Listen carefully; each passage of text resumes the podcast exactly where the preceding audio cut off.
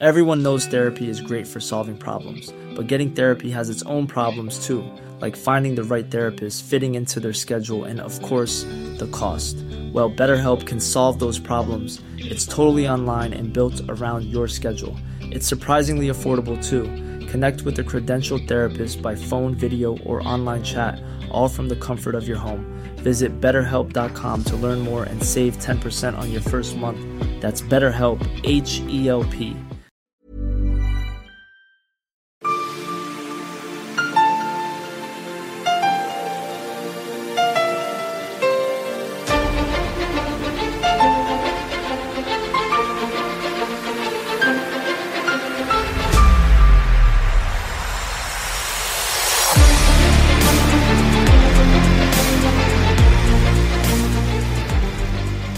lyssnar på Militärsnack, podcasten där militära saker blir lätta att fatta.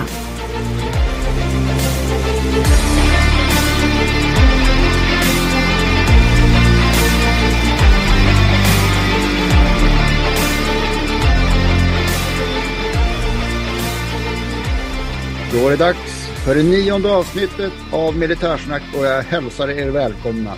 Jag som pratar heter Henning Svedberg och på andra sidan micken sitter Löjtnant Andersson. Härligt, du är så välkommen. Tack. Har det hänt något roligt i världen, löjtnant? Nej. Har det hänt något roligt i din värld? Ja, det har slagit om från torsdag till fredag och med det eh, som eh, grundfakta så tänkte jag höra med dig vad du fyller ditt glas med. Ja, det är fredag. Ja, det har ju hänt att det har blivit fredag. Och eh, idag så blir det en eh, Visby kloster. Okej. Okay. Och den här är ju väldigt trevlig eh, svensk. Den heter ju klosteröl, även om det inte regelrätt skulle vara en trappist. Men det är en klosteröl, alltså en, i det här fallet en ljus belgisk ale. 5% inte jättedyr, men eh, väldigt, väldigt god. Och eh, den här kan man dricka till eh, det mesta, men framför allt som sällskapsöl eller till eh, fläskkött. Mm. När du grillar dina kotletter som du har låtit eh, mycket fett vara kvar på, vilket man alltid ska göra. Då ska man dricka en Visby kloster till detta. Mm. Och eh, vad dricker du själv? jag dricker en eh, ovanlig öl just nu för att vara mig och eh, den är ovanlig för att den är svår att få tag på. Den fanns på Systembolaget för ett år sedan. Heter Saltär Titus och ligger på 3,9 procent. Och det är en ljus lager som är oerhört välgjord och smakrik och god. Eh, väldigt, väldigt mycket malt i den här. Det är inte van, vant för mig. Men eh, tydlig smak av sirap, knäck, torkade frukter och rostat bröd och jag skulle säga att den är fantastiskt god. Det låter somrigt och med tanke på den ringa styrkan med så är det ju någonting man kan ha som törstsläckare, i alla fall enligt din beskrivning. Mm, gräsklipparöl. Ja, Fast ja. den är lite för fin för det, för det här är, den är faktiskt delikat, den är fantastisk. Mm. Och en sån här, vad heter det, disclaimer där, att Henning har ju givetvis ingen motordriven utan har en sån här gräsklippare som man puttar fram. Sanningshalten är ungefär som i Titusen där då. då. Ja, vi är inne på avsnitt nio som ska handla om truppslaget Terrängen. Berätta för mig löjtnant, vad är Terrängen och vad gör de? Mm. Vi börjar som vanligt och berätta vad, vad det här är. Och eh, Terrängen hette det förr, eller Trossen. Eh, nu för tiden så heter det Terrängtrupperna. Och det här ska inte förväxlas med terräng, alltså skog och mark och sjöar eller alltså kart, eh, terräng på karta eller terräng i verkligheten, utan det heter Terrängtrupperna, T-R-Ä-N-G. Mm. Och eh, deras truppslagstecken är ju T, T som i terräng. Mm. Och då kan det vara ett regemente som heter till exempel T1 eller T2. Och eh, de här pysslar med eh, underhåll och eh, det är ju heller inte underhållning utan underhåll. Ehm, och eh, det är underhåll förnödenheter, till exempel eh, mat, vatten, drivmedel. Eh, civilt kallas det bränsle, vi kallar det för drivmedel, alltså diesel, bensin och så vidare. Det är ammunition, till våra vapensystem med mer. Även reparationer, reservdelar och sjukvård. Det här är alltså de som kommer med allt man behöver för löpande funktion? Ja, och eh, som vanligt eh, så bär ju alla delar med sig eh, delar av de här funktionerna och eh, man har ju med sig ett förstahandsbehov. Eh, precis som vi brukar säga med brandsläckaren och så vidare på, på vårdcentralen där. Man har ju med sig mat, vatten och drivmedel och ammunition för ett förstahandsbehov. Men, eh, och även man har ju sjukvårdsmateriel och sjukvårdstjänst, eh, viss reservdelar och reparationskapacitet. Men det här behöver ju fyllas på eh, ersättas och eh, även mer avancerade saker man vill göra längre bak i kedjan, till exempel sjukvård. Ja, vi löser ju vårt förstahandsbehov, men förr eller senare så måste ju den skadade, sårade hamna på en eh, kvalificerad sjukvårdsinrättning och det har ju de och där också ser de till att vi hamnar där. Okej. Okay. Mm. Och eh, med den inledningen där, vad det är och vad de gör, så kan vi blicka tillbaks först. Och eh, det här det har ju funnits länge. Truppslaget som sådan har inte funnits, men tross som begrepp har ju funnits eh, länge, kanske lika länge som kavalleri och infanteri. Eh, och eh, det har alltid behövt, man har alltid behövt äta och dricka. Eh, men förr i tiden så var det ju helt andra funktioner eh, man hade med sig. Exempelvis kunde man ha med sig smeder som kunde smida, laga vapen, musköter, svärd, yxor, pikar. Man hade med sig hovslagare för att ta hand om hästarna. Man hade säkerligen med sig någon form av veterinär, även om det inte hette så. Så var, fanns det väl någon som var, kunde reparera hästar så att säga. Mm. Man hade med sig en hel del kvinnor Eh, och det var ju för att män kunde inte jobba med vissa saker utan det var ju tvungna att vara kvinnor till kvinnoyrken. Eh, till exempel sömmerskor som kunde laga eh, utrustning, okay. uniformer. Det fanns eh, tvätterskor som kunde tvätta, tvätta utrustningen, alltså uniformer och sånt. Eh, och det fanns ju även eh, mat, så att man, som, de som lagade mat, kockar skulle vi kalla det idag. Okay. Eh, Men aldrig som stridande? De var inte stridande. Och det här var ju så att förr, riktigt förr, då tillhandahölls det liksom ingen organiserad eh, förplägnad i form av mat och sånt, utan det skulle man ju ordna själv. Varpå man tog med sig kvinna eller kvinnor som kunde lösa detta. Eh, det skulle man ju ta där man kom fram och så fick man ha med sig den mängd som man ville. I trossen fanns ju även alla personliga tillhörigheter, det vill säga eh, dina, ditt tält, dina kläder och så vidare. Och eftersom du var tvungen att förse dig själv med mat och de här grejerna så var det väldigt vanligt att man hade med sig sina fruar. Okay. Och med tanke på hur det var med preventivmedel så, så hade man ju till slut med sig sin familj. Mm. Eh, så att det föddes ju även en hel del barn. Sen fanns det en mindre eh, charmerande eh, kvinnlig roll och det var ju rollen som lägersköka eller lägerskökor och det förstår alla vad det är för någonting. Så vi behöver inte gå in på närmare. Men det var ju en väldigt stor del av själva förbanden som inte var stridande, som var tross som medföljde. Hela, hela städer med människor egentligen som liksom följde armén. Mm. Och det som är intressant, eh, det finns ett exempel här från 1696 eh, vad ett infanteriregemente hade med sig formellt. Och då har vi tagit bort fruar, lägerskökor och sådana saker. Utan det här är bara för att eh, infanteriregementet ska få med sig det som de har som reglementerad utrustning, det vill säga dina uniformer, vapen, kulor och krut. Eh, och då 1696 så hade det här infanteriregementet 137 officersdrängar. Mm. Alltså kalfaktorer eh, motsvarande, alltså hjälpredor. Assistenter? Man, man, ja, adjutanter motsvarande. Fast det, det fanns ju någonting som hette, utan det kan vara mer som en, man skulle kunna säga kalfaktor. Mm. Alltså en uppassare motsvarande. Man hade 72 kompanitrosspojkar och eh, de eh, tjänstgjorde väl också sannolikt med att eh, köra vagnar och hästar och sådana saker. Man hade 290 ridhästar för officer Och då får vi tänka på att det här var ett infanteriregemente, alltså de som slåss till fots. Men de hade ändå 290 ridhästar till officerarna så att de slapp att gå. Man hade 104 stycken draghästar. Allt detta bara för att transportera egentligen eh, kronans utrustning. Utöver detta så kom ju då mat och potatis och alla sömmerskor, tvätterskor, lägerskökor och så vidare.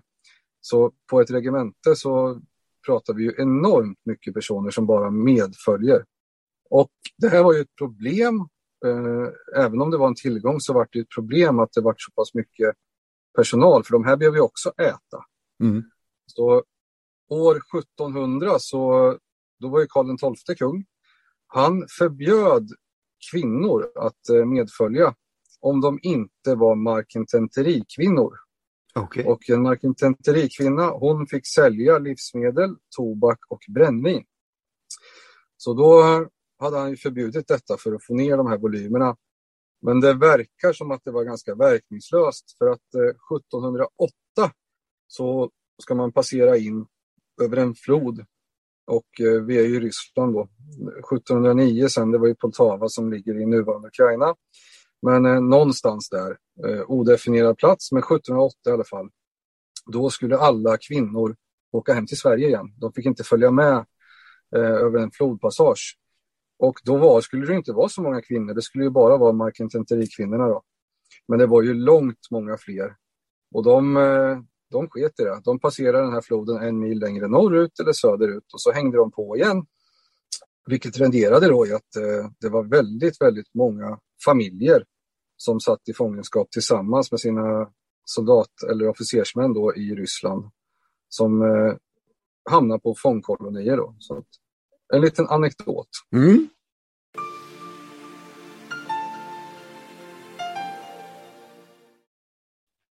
Came back from a sweep over northern France.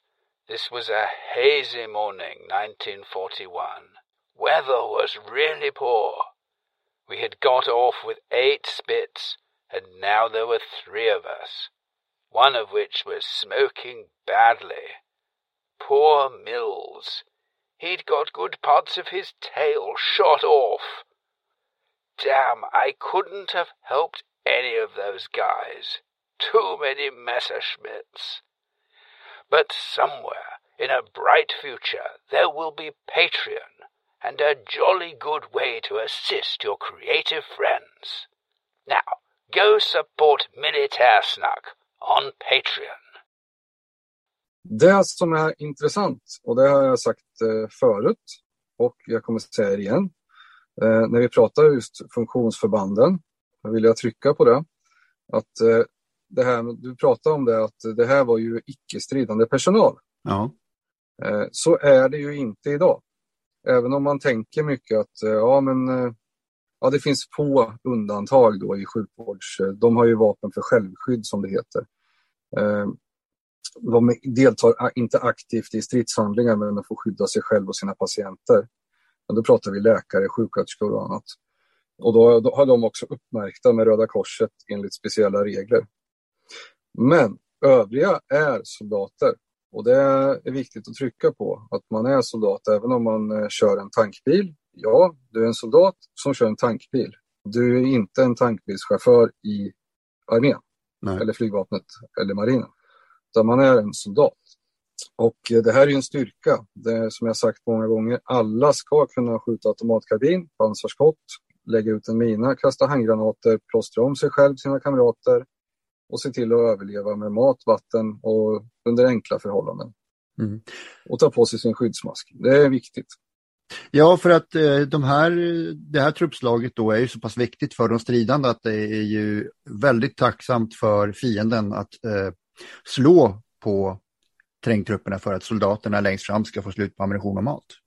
Precis. Det här är ju en mumsbit som alla vill åt och den är extremt viktig för oss att eh, skydda, men de måste även kunna skydda sig själv. Och så och med alla egentligen funktionsförband. Och funktionsförband, då menar jag ett förband som har en speciell funktion, till exempel luftvärn, träng, ledning, ingenjörer och så vidare. De behöver ha kapacitet att eh, försvara sig själv och de måste se sig själva som eh, soldater i första hand, lastbilschaufför i andra. Jag vet att jag sa i något annat avsnitt att eh, vill vi ha folk som är duktiga på att köra lastbil, då kan vi ringa till Oves eh, Transport AB och eh, tvångsrekrytera in eller plikta in med värnpliktslagen då eh, 20 stycken lastbilschaufförer som är jävligt duktiga på att köra lastbil, men det är inga soldater. Eh, är det några soldater, är det några som ingår i eh, försvaret som absolut inte är soldater, om du förstår vad jag menar? Som, inte, som är, meteorologen är inte meteorolog med en k-pist på ryggen. Jo, de, eh, de, kan i allra högsta grad vara soldater och kombatanter, uniformerad personal som eh, ska ha en stridsutbildning. Sen finns det ett extremt fåtal som inte har det och det är just sjukvårdspersonal uppmärkt med eh, Röda Korset under speciella förutsättningar då, som inte deltar aktivt i stridshandlingar men har rätt att försvara sig själv. Precis, de är väl skyddade av Genèvekonventionen och sen är de ju förbjudna att slåss vad jag förstår, annat än just när de blir angripna.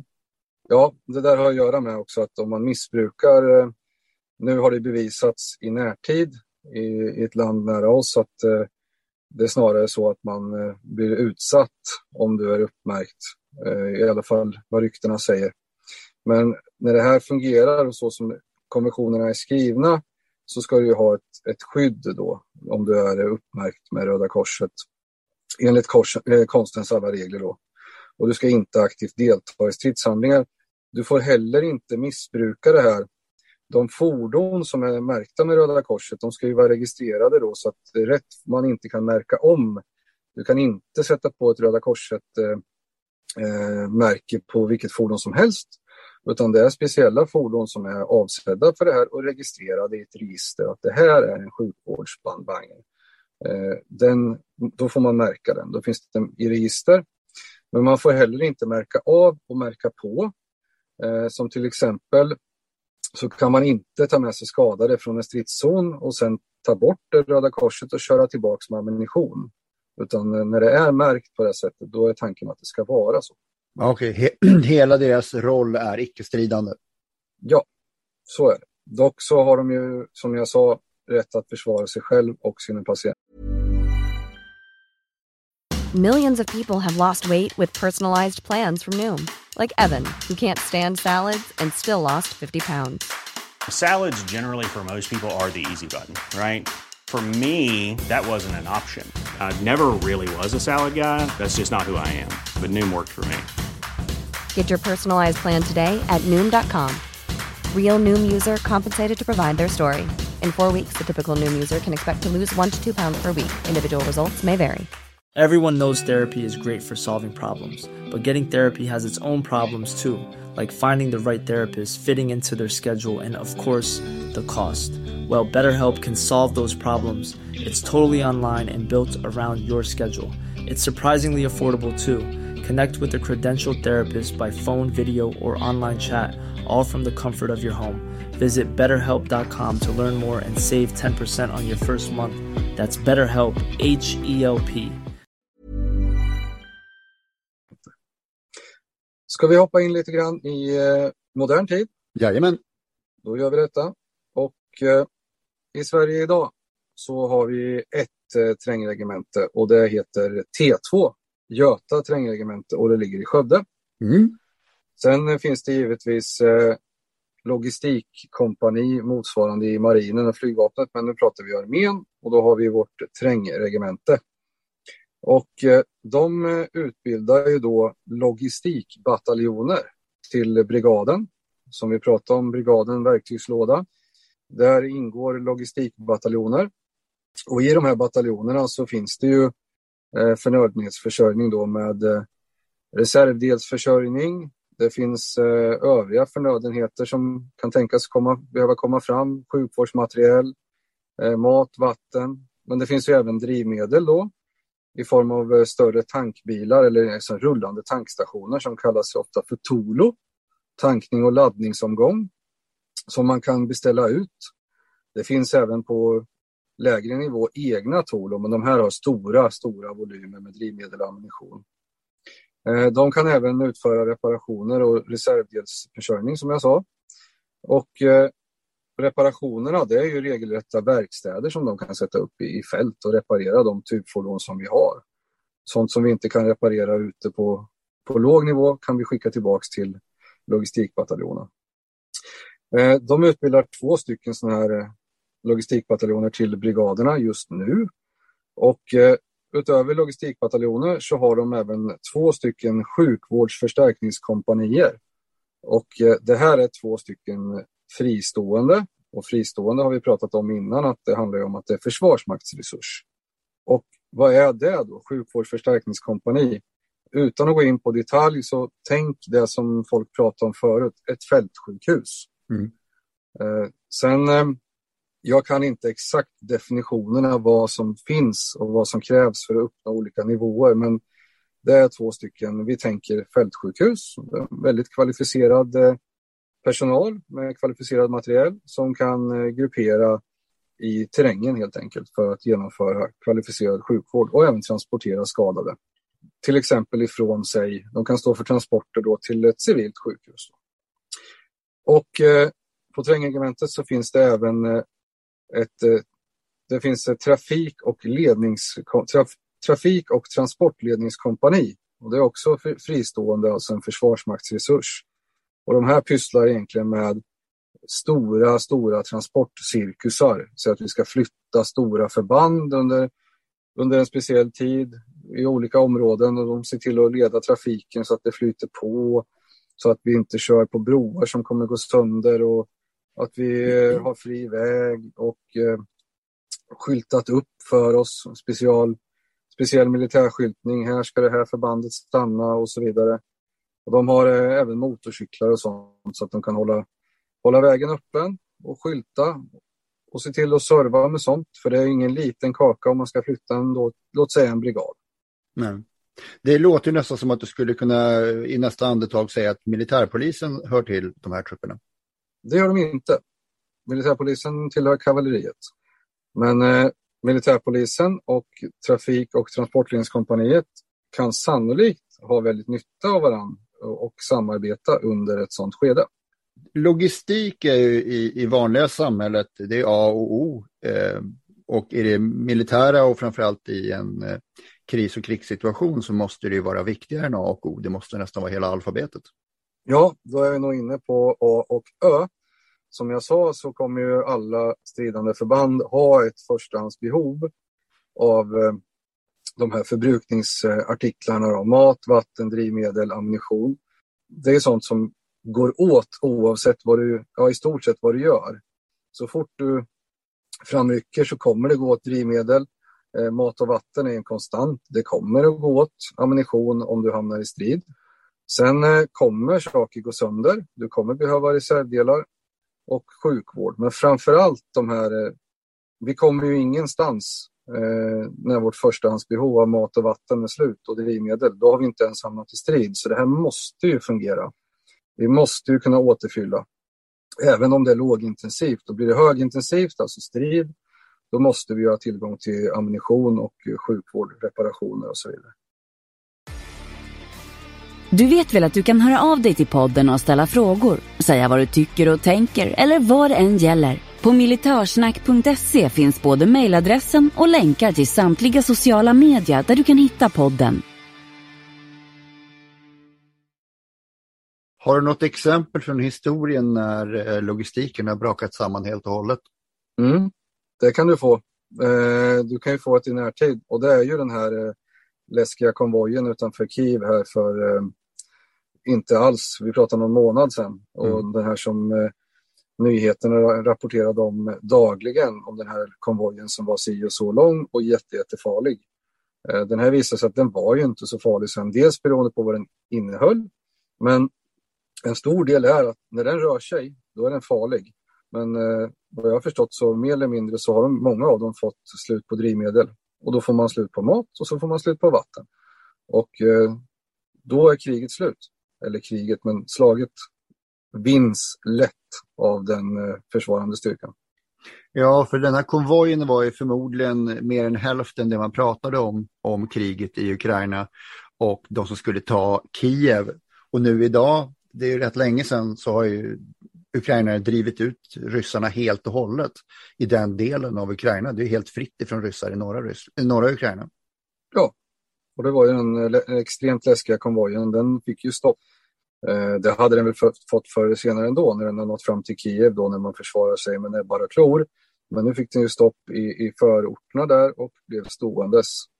Eh, det beror sannolikt på, på många olika faktorer som eh, både planering och brist på underrättelse, brist på ledning och så vidare.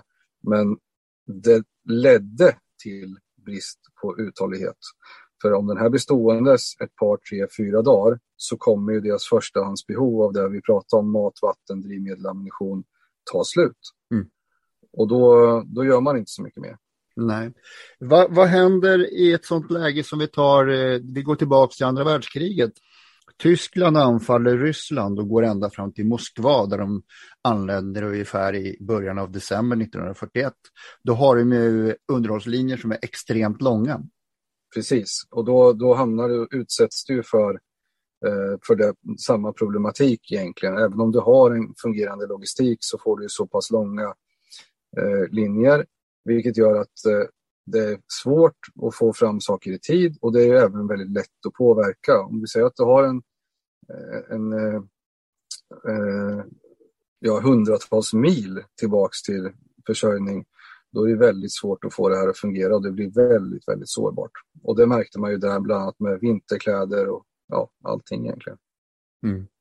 Ja, det är inte lätt att hitta någonting att käka i december i Ryssland heller. Nej. Det här, båda de här exemplen, eh, Ukraina idag och eh, Tyskland under andra världskriget, det är ju länder som anfaller och eh, slåss på annans mark. Och där ska vi veta om också att eh, det har vi aldrig tänkt att göra. Det är inte det vi är dimensionerade för, utan vi är dimensionerade för att försvara oss i Sverige. Och då blir det ju helt andra spelregler också med tanke på civilbefolkningen, att de är betydligt mer vänligt inställda. Och det innebär ju att eh, det finns en lägre risk för att civila inhämtar underrättelser eller försöker lägga ut miner på vägen eh, eller försöker slå mot våra underhållstransporter. Mm. Det är en klar fördel. Men eh, som sagt, de här är ju experter på att eh, bedriva den här typen av verksamhet under svåra förhållanden. Regn, snö, mörker, kyla. Och det är ju miljöfaktorer, men de är också experter på att genomföra det eh, utanför moderna faciliteter. Det vill säga, de kan bygga upp sin tankstation eh, i stort sett var som helst. De kan eh, rena vatten med sina vattenreningsverk i stort sett vart som helst. De kan bedriva kvalificerad sjukvård i stort sett var som helst. Och då får man ju tänka på de friktioner som blir. Det är ju inte bara väder och vind utan det är ju det här, ja men sjukvård, pratar vi fältsjukhus, ja men då pratar vi ju, det är ju kirurgiska ingrepp, det är röntgenmaskiner och allt sånt där. Och allt det kräver ju ström, datorer och det här fixar de ju med det, med det de har. Så att det är ju väldigt, väldigt kvalificerat och välfungerande. Och det är ju det som är vitsen med att ha att alla är soldater och att vi är rustade för de värsta tänkbara scenarierna. Vi återkommer ju hela tiden till det, att eh, det är ju helt andra krav. Men då har vi lite koll på vad terrängen är, gör och har gjort genom tiderna. Och eh, jag tänkte ju då som vi brukar göra eh, fråga om du själv skulle kunna sätta in och använda terrängtrupper någonstans var du vill, hur du vill, hur gör du då? Ja, då skulle nog jag eh, i alla fall vilja ha in en sån här trossfunktion från 1700-talet eh, minus vissa komponenter eh, som kunde åka runt på midsommar 2022. Mm. Och de komponenterna som ska ingå det är ju då att jag vill att det ska åka runt eh, 1700-tals trosspersoner eh, och eh, skänka ut eh, framförallt öl och mat. Ja. Så vi får smaka på, på fältkosten där från, eh, från eh, tidigt 1700 och då tänker jag nog att eh, ölen vi får kommer ju vara ale och förmodligen ganska svag. Men det är ju inte lager för det är ju inte uppfunnet vid det här. Men det skulle vara spännande. Mm, jag trodde du skulle säga att det skulle komma klosteröl. Ja, kanske. Men då blir det ju en ale i alla fall. Ja, ja. Eh, lite stark. Men jag skulle tro att det blir någon svag ale. Eh, grumlig och jag skulle tro att vi får äta någonting. Eh, ja, det blir inte potatis utan kanske rågblöd, rågblöd och eh, har vi tur så får vi en bit fläsk, kanske någon roa. Men eh, spännande att testa och prata med dem skulle vara kul också och se hur det gick. Faktiskt, faktiskt. Jag är helt med. Och vad skulle du göra då? Ja, logistikens anda. jo, jag skulle se till att vi fick eh, leverera själafrid till alla stupade som har gått bort för en god sak. Och det gäller ju mer än bara de finska soldater som stod emot ryssen längs Ratavägen till exempel 1940, ja, till dagens kvinnor och män som står under det tyranniska ryska skitstövlismens fula sula. Absolut, det skriver jag under på. Mm, mm. Ja, och då är vi ju framme på dagens datum eller veckans datum i historien och då läser jag 3 juni idag. 3 juni, vet du vad? Vi har ungefärligt, det här är en händelse som äger rum den 1 juni 76, 1676, och det är slaget vid Ölands södra udde, också känt som slaget vid Öland, som var ett sjöslag mellan en allierad dansk, nederländsk och en svensk flottstyrka i Östersjön utanför Ölands östkust. Och slaget var en del av skånska kriget som utkämpades med syfte att nå sjöherravälde i södra Östersjön. Och Sverige var i akut behov av att kunna föra över förstärkningar till sina nordtyska besittningar. Medan Danmark ville föra över en armé till Skåne och därigenom tvinga svenskarna att utkämpa kriget på sin egen mark. Men innan slaget ens började så kantrade vårt stolta fina flaggskepp Kronan och sjönk med en förlust av nästan hela besättningen, inklusive befälhavaren för den svenska flottan, riksamiral Lorenz Kreutz. Det var inte bra. Slaget resulterade i alla fall i ett danskt eh, sjöherravälde som kvarstod resten av året. Så det var förlorat. Mm. Det är en annan eh, nation som har fått sitt flaggskepp eh, sänkt här nu i närtid.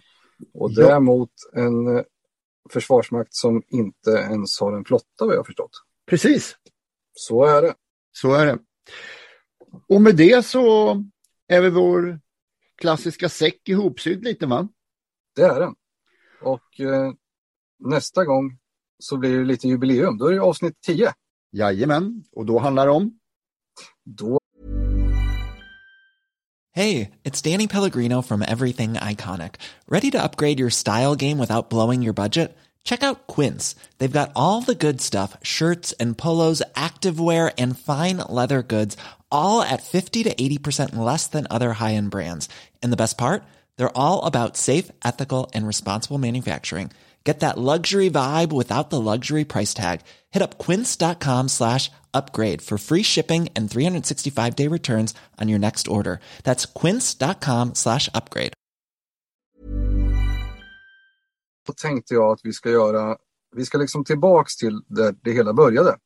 Så att jag tänkte att vi skulle göra en favorit i repris och prata om eh, vårt kära pansarskott 86. P-skott. Jajamensan. Det låter ju alldeles utmärkt det. Och den som har synpunkter, frågor och liknande går in på militarsnack.se och eh, kontaktar oss på önskat media där. Vi finns på Instagram, mail och Facebook. Jajamensan. Men då så löjtnanten, då tackar vi för detta avsnitt. Tack så mycket. Tack och hej! Hej då, hej då.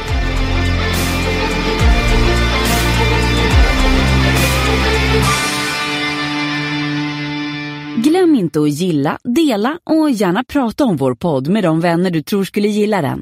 Tack!